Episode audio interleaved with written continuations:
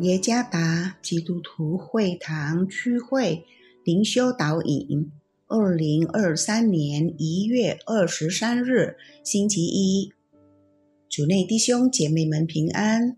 今天的灵修导引，我们要借着圣经路加福音十一章三十七到四十二节来思想今天的主题。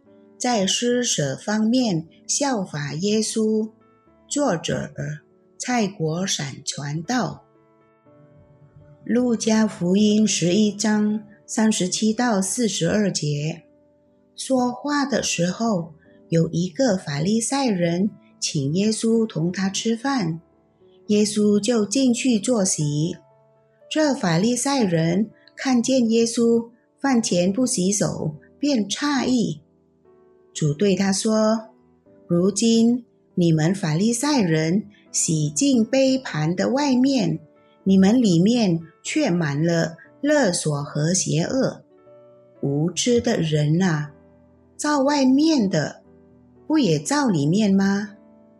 只要把里面的施舍给人，凡物与你们就都洁净了。”你们法利赛人有祸了，因为你们将薄荷、云香并各样菜蔬献上十分之一，那公义和爱神的事反倒不行了。这原是你们当行的，那也是不可不行的。在此必须强调的是，基督教教义并不反对所有部落。和民族的优良传统习俗，包括过农历新年的传统习俗。进行这传统习俗是作为新年更迭的感恩，一家人团聚，互相联系，一起迎接新的一年。可惜的是。优良且符合基督教价值观的农历新年欢度活动，有时会因为人类的罪恶而被自私和贪婪的心态所影响。这不仅是不遵循我们祖先的神话迷信或教义的问题，而是。在欢度农历新年的背后，隐藏着自私、个人利益和财务昌盛的动机。这种态度不仅来自接受红包的人，也来自给予红包的人。必须承认，施舍的传统习俗是好的，但如果带着不正确的动机，去行的话，仍然是一个错误。施舍的传统习俗是为了摆脱厄运和为使自己更昌盛，这样的动机并没有培养一个人拥有爱他人的心。有条件和仅限于某些时刻和某些人的施舍。并没有培养出一个人心中的爱与正义的价值观。今天的灵修经文记载，有一个法利赛人请耶稣同他吃饭，耶稣就进去坐席。这法利赛人看见耶稣饭前不洗手，便诧异。马修·亨利解释说。神故意这样做，是因为有一个真理必须为这法利赛人阐明。我们可以在第三十九到四十二节中看到这一点。实际上，这些法利赛人执行了许多传统习俗，包括洗手的问题，饭前洗手。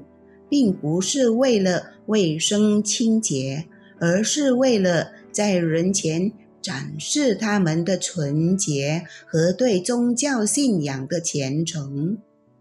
他们怀着邪恶的心态，行了许多优良的传统习俗。他们献上十分之一，但那公益和爱神的事反倒不行。他们使那被视为优良和属灵的传统习俗，成为他们腐朽的盾牌。主耶稣对他们强调说：“这原是你们当行的，那也是不可不行的。这意味着必须执行，如洗手、献上十分之一等等优良的传统习俗，同时也不忽视对他人的施舍，不可忽视身边受苦受难的人。”不要忽视那些应该得到正义的人为他们实行公义的表态。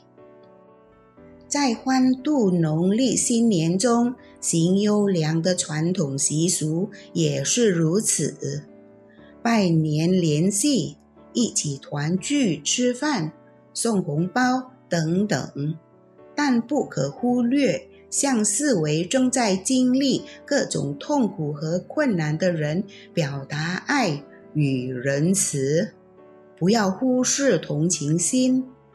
农历年过后，在生活中仍要培养关怀别人的心态，不要忽视神眼中看为尊贵美好的事。对已经收到红包的人。要学会与需要的人分享，并赞助教会圣工，培养自己不贪爱物质、不贪爱世界，让优良的传统习俗伴随着，好让自己在神面前活出真诚的爱心。阿门。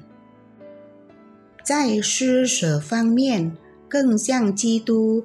那就是在不忽视对他人的爱和正义的情况下，行优良的传统习俗。主耶稣赐福。